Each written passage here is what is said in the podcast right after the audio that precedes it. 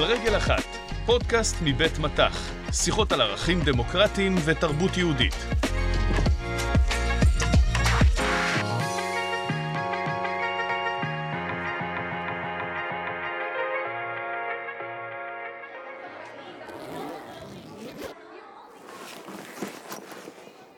אז אתה אשכרה יוצא לטיול הזה? בטח, בוא גם, יהיה טיל. לא תודה. ראיתי מי הילדים האחרים שבאים. לא בדיוק השווים. לא הבנתי. שווים? באיזה קטע? נו, אנחנו זה אנחנו, והם זה הם. אתה מבין למה אני מתכוון. אז אתה אומר שיש דבר כזה מישהו ששווה יותר ממישהו אחר? אתה חושב שאתה יותר טוב מהם כאילו? מה הקשר יותר טוב? זה לא מה שאני אומר. אבל כאילו... נו, אתה מבין אותי.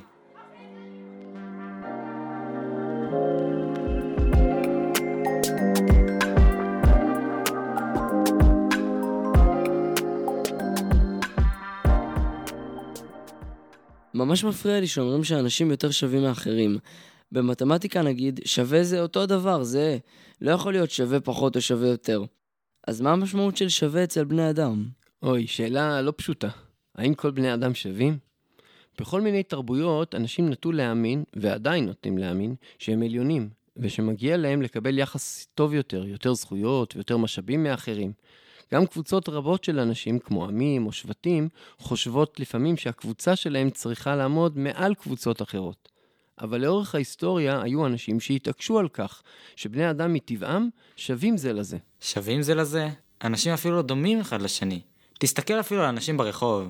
איך אפשר להגיד שהם שווים? באיזה מובן בדיוק? שאלה מצוינת. כשאומרים שבני אדם שווים זה לזה, לא מתכוונים שהם זהים. הכוונה היא שהערך שלהם שווה, שאין אדם שהוא עליון ואדם שהוא נחות. מי שהיום ראשת ממשלה, למשל, יש לה אולי תפקיד בכיר יותר מאשר לאחרים, אבל בתור בת אדם היא שווה בערכה לכל אחד אחר, לא פחות ולא יותר. לא כל כך הבנתי. מה זאת אומרת שווה בערכה? הרעיון הוא שאין אדם שהוא נעלה על בני אדם אחרים. כלומר, אי אפשר לדרג אנשים מבחינת רמת החשיבות שלהם כבני אדם. המשמעות המעשית היא שצריך לנהוג באופן שוויוני כלפי בני אדם, ושאסור להתייחס לאדם או לקבוצת אנשים כנחותים ולהפלות אותם. Hmm, אוקיי. אבל ברור שיש אנשים מוכשרים יותר מאחרים. לא כולם רונלדו. מסי, לא כולם מסי. יואל, הוא התכוון לרונלדו. עומר, אתה אומר משהו נכון. ברור שאנשים שונים זה מזה בכישרונות שלהם. יש אנשים שמוכשרים יותר מאחרים במוזיקה, יש אחרים שמצטיינים בריקוד, אחרים מוכשרים במיוחד בנגרות. הרעיון שכל בני אדם שווים לא מתעלם מכך, אלא אומר שכל בני אדם, על אף שכישרונותיהם שונים זה מזה, ראויים להתייחסות דומה, שמכבדת את הרצונות ואת הצרכים שלהם. מעניין. מאיפה הרעיון הזה מגיע? הרעיון שכל בני אדם שווים בערכם הוא רעיון עתיק, שנמצא במקורות של תרבויות שונות, כולל בתרבות היהודית. אבל רעיון השוויון הפך לערך מרכזי בעיקר בעת החדשה, כשאנשים ביקשו לבסס את הדעות שלהם על ההיגיון, ולא על תפיסות ורעיונות שעברו מדור לדור. הם בחנו את הרעיונות שדירגו אנשים לעליונים ולנחותים בגלל הדת שלהם, המוצא שלהם או המעמד החברתי שלהם, וחשבו מחדש על שאלות מדעיות ופילוסופיות, ומתוך המחשבות האלה פיתחו רעיונות כמו כבוד האדם, חירות המחשבה ושוויון. אז כאן הגענו לשוויון. כן, פילוסופים שחיו במאה ה-17 וה-18, כמו ג'ון לוק וז'אן ז'אק רוסו, קבעו שמבחינת הטבע, כל בני האדם שווים. מבחינת הטבע? כן, הם התנגדו לאמונה שהאל ברא אנשים בדרגות שונות של שלמות. והם התנגדו לתפיסה שההבדלים בצבע או בגובה בין בני האדם מצביעים על כך שיש אנשים שהם נעלים יותר מבחינת הסדר הטבעי של העולם. הפילוסופים האלה הדגישו שאין אדם שהאל או הטבע הועידו אותו להיות נעלה יותר מאחרים.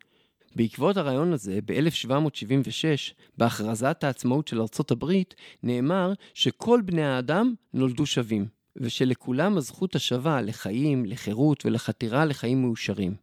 המהפכה הצרפתית שפרצה כמה שנים לאחר מכן, נשאה גם היא את דגל השוויון, לצד ערכים של חירות ואחווה.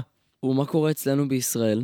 במגילת העצמאות שלנו הובטח ברוח זו שמדינת ישראל תקיים שוויון זכויות חברתי ומדיני גמור לכל אזרחיה, בלי הבדל דת, גזע ומין. נו, עומר, הוא מתחיל להבין קצת. לירן, שחרר.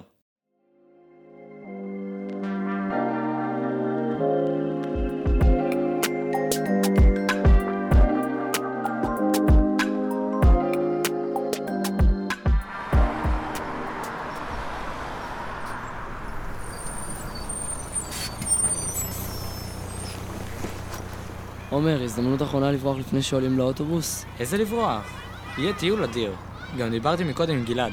אחלה גבר. הופה, תראו מי זה מתחיל להתמנגל עם כל הלא שווים. מה זה הדיבור הזה, לירן? נראה לי אני צריך לקחת אותך לסשן אצל יואל, שיסביר לך קצת על שוויון בבני אדם. תודה רבה שהאזנתם לנו, מקווים שנהנתם. אני יואל קרצ'מר רזיאל. לשיחות נוספות, חפשו אותנו באפליקציית הפודקאסטים המועדפת עליכם, או באתר אופק מבית מטח.